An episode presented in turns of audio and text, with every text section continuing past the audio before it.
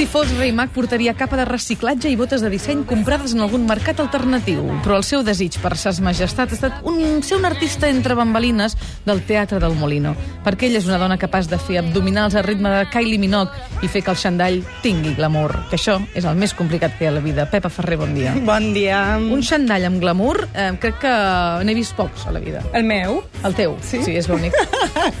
No ho sé, no ho El sé. teu i el d'Albert Tom, el convidat, que trobo que sempre està molt atractiu quan fa esport. Bé, però jo crec que el tema de l'Albert Tom és... en Va més enllà del xandall, eh, no? Exactament, exactament. Si vols, comencem pel tema del Molino? Vinga. Vinga, va.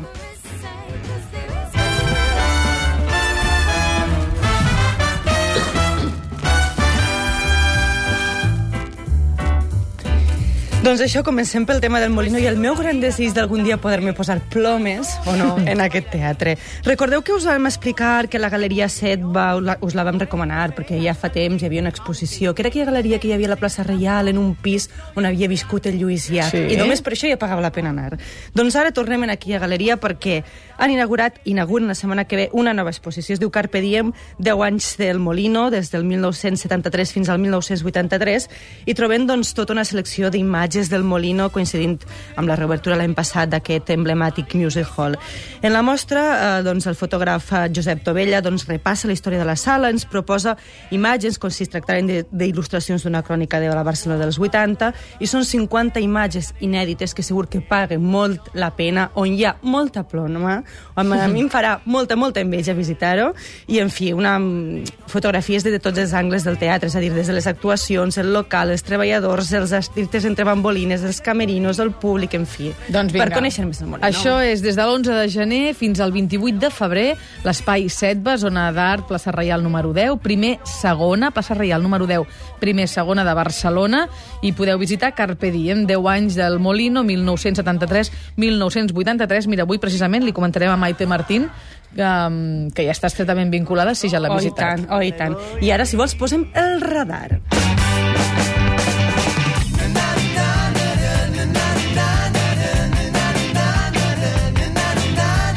Doncs l'altre dia ho comentàvem amb el Xavi Rossinyol, perquè parlaven de Caja Madrid i sempre tothom havíem anat allà a veure exposicions. Doncs ara no anirem només a veure exposicions, sinó que també anirem a veure concerts a l'Espai Cultural Caja Madrid.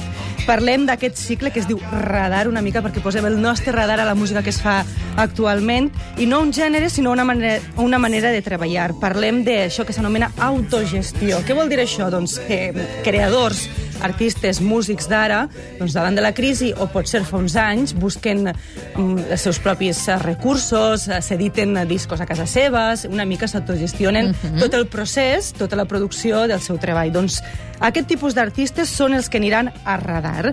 Aquí trobarem, per exemple, trobarem aquests que estem escoltant ara, que són els de Seijos, eh, però el cicle començarà amb un altre grup, amb el grup Le Pianc, que em sembla que l'última edició de la revista en The Rock dia que han sigut un dels grups, un dels treballs més destacats del 2010. Doncs començaran amb ells, que estaran acompanyats d'Eurípides and His Tragedies, que és un, uh, un grup que fa un pop vocal dels anys 50, i començaran aquest dimecres a les 8 de la vesprada.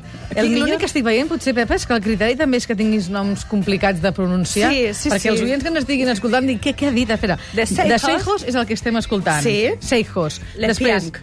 Uh, Le Pianc són els que comencen el cicle. Sí, Le Pianc. Eurípides. Eurípides and His Tragedies és un altre dels grups, d'acord, veus? Mira, i uns altres que m'agraden molt, molt, molt, A però veure, ja, que ja passaran al març, són Me and the Beast. Me and the Beast. Me and the Beast. Jo i les abelles, no? Me and the doncs aquests m'agraden molt aquests passaran al març, però per tant encara teniu una mica de temps. Ara, això sí, el preu és el millor, però el preu el saps tu. Doncs mira, perquè sí, a l'Espai Cultural Caja Madrid dimecres comença el cicle Radar amb Le Pianc amb un concert que costa, atenció, dos euros i mig. Diràs que no tens O sigui, prou diners per anar-hi. és més car un Frankfurt del Camp Nou Sí, que anar a un senyora. concert. Exacte. I comença a les 8 del vespre a la plaça Catalunya, número 9. I ara que ja us tinc entrenats...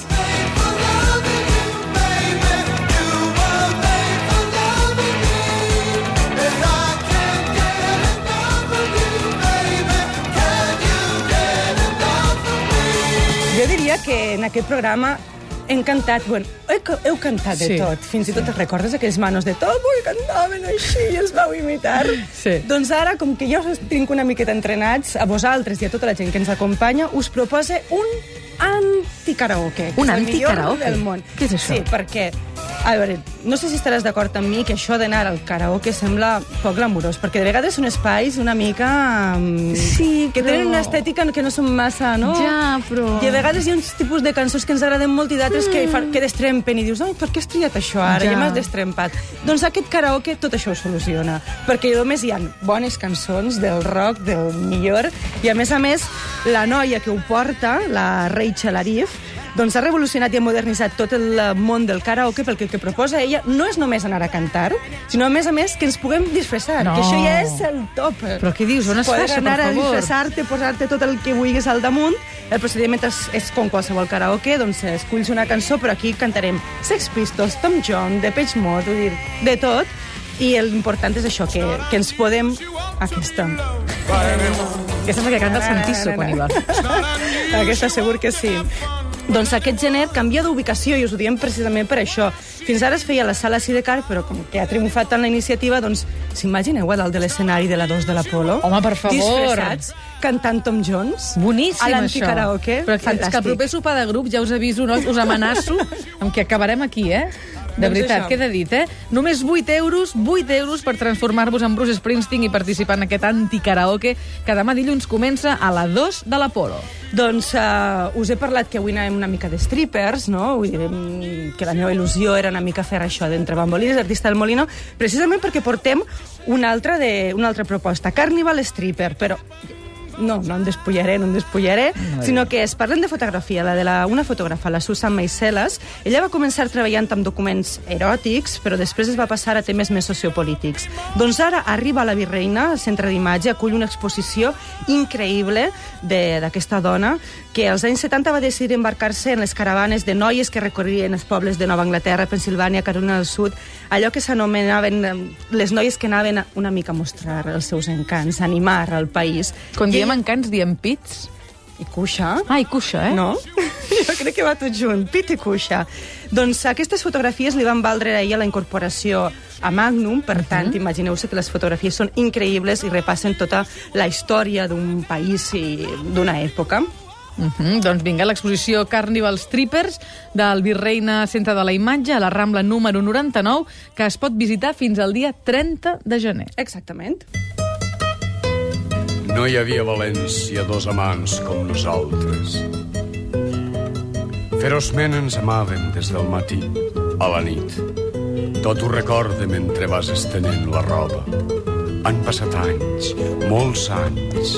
Han passat moltes coses. De sobte encara em pren aquell vent... M'encanta. No, clar. Jo diria que és el poema que més m'agrada, no només perquè sigui del Vicent Andrés Estellers, sinó perquè aquests amants de València mm, jo crec que hem volgut ser tothom, no? I arrapar-nos, com diu el Vicent Andrés Estellers. Doncs aquest senyor, aquest poeta, arriba al Romea amb la direcció del Pep Tossar, que diu que li vol retre homenatge, fer el seu petit homenatge al Vicent Andrés Estellers. Arriba amb una obra que es diu Poseu-me les ulleres, que és un espectacle basat en la seva vida, i de fet porta este títol i és molt curiós perquè un dels poemes del Vicent Andrés Esteriés, que parla mm, doncs, com prepara ell la seva mort, què és el que li agradaria que passara quan ell es morira, diu, m'agradaria que em posareu les ulleres, que les campanes retocaren, no, repicaren, i que algú diguera, s'ha mort el fill de Forner que escrivia versos, no? I, és, I ell ha posat això de poseu-me les ulleres. L'adaptació inclou doncs, poemes musicats per, eh, per Miquel Gil, musicats especialment Menjun, Menjun, el M'aclame tu, que han decidit agafar eh, doncs, el poe... bueno, la música que li va fer l'Ovidi Montllor. Han dit aquest també és un petit homenatge per l'Ovidi Montllor. No? I llavors, una de les curiositats és, per exemple, que en un moment apareixerà una ballarina, que és la mateixa neta del Vicent Andrés Estellers. Vull dir que és, mm, sembla que és una obra que està feta amb una delicadesa i amb unes ganes d'explicar qui és Vicent Andrés Estellers i portar-lo als escenaris que només per això doncs, ja paga la pena. D'ell sabem moltes coses del Vicent Andrés Estellers i algunes curiositats. Diuen, per exemple, que plorava molt, que quan va saber que van assassinar el Puig Antic es va posar a plorar com un nen. I també expliquen d'ell, per exemple, que en els últims dies, eh, quan estava ja molt vell, doncs fins i tot cada dissabte eh, rebia a casa seva estudiants i els explicava moltes coses. Un, un fill seu explica una anècdota, que és que un dia va arribar a casa seva un periòdic albanès que parlava sobre ell, i ell va mirar el periòdic i va dir, caram, però una vegada, diu, vaig, home, me fiquen un diari albanès i me canvien el nom. Ara sóc Vicent Antes Esteltes. Per una vegada que, es, que, em passen, que em posen a l'estranger, em canvien el nom. En fi, espectacle entranyable i super recomanable. Doncs de l'11 al 23 de gener al Teatre Romea podeu posar-li les ulleres a Vicente Andrés Estallés i saber-ne més sobre el poeta del poble del País Valencià.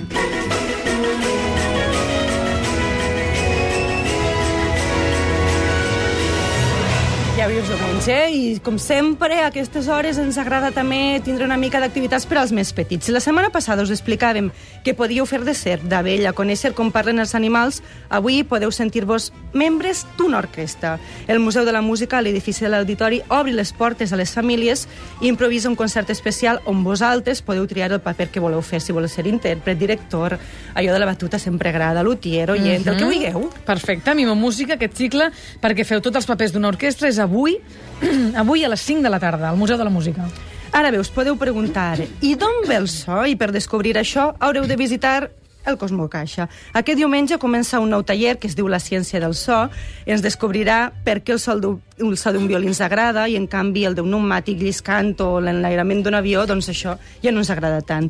Perquè uns sons són estridents i, i desagradables i d'altres són plaents. Doncs per això hi haurà una sèrie d'experiments entre els quals mireu que dolç és això, gravar la veu dels que participeu en un disc de xocolata. Ah, que bonic! Aquest taller La ciència del so demà també a les 5 de la tarda al Cosmo Caixa, però aquest fins al 27 de febrer cada cap de setmana. I com que avui busquem l'origen de tots, doncs buscarem també l'origen de la Terra. Podeu visitar la Torre del Rellotge de Cal Arnús, els jardins de Torreblanca o el Jardí Botànic. Els que preferiu podeu anar directament al Jardí Botànic on hi trobareu una simulació que intentarà reproduir l'origen de la Terra per, als, per a que els més petits puguen resoldre, per exemple, hi ha vida en altres planetes? Orígens al Jardí Botànic, que podeu trobar aquest joc de simulació avui a les 12, d'aquí una horeta. Correu, correu!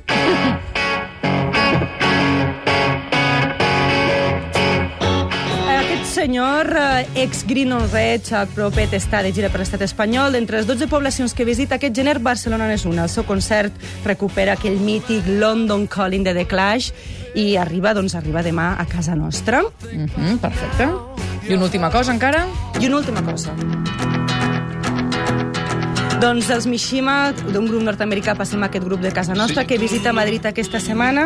Els Mishima són tot un referent indiscutible del pop ca català, que segons la revista de rock han creat el millor disc del 2010, aquest Ordre i Aventura. Passaran per la capital de l'estat el dimecres en un concert a la Sala al Sol. Mishima no falla mai, com tu, Oh, Pepa. ens encanten. Moltes gràcies. Gràcies per La setmana això. que ve. Una beseta, adéu. I baixo al carrer que he de treure diners i em cau una peixer que em diu que no tinc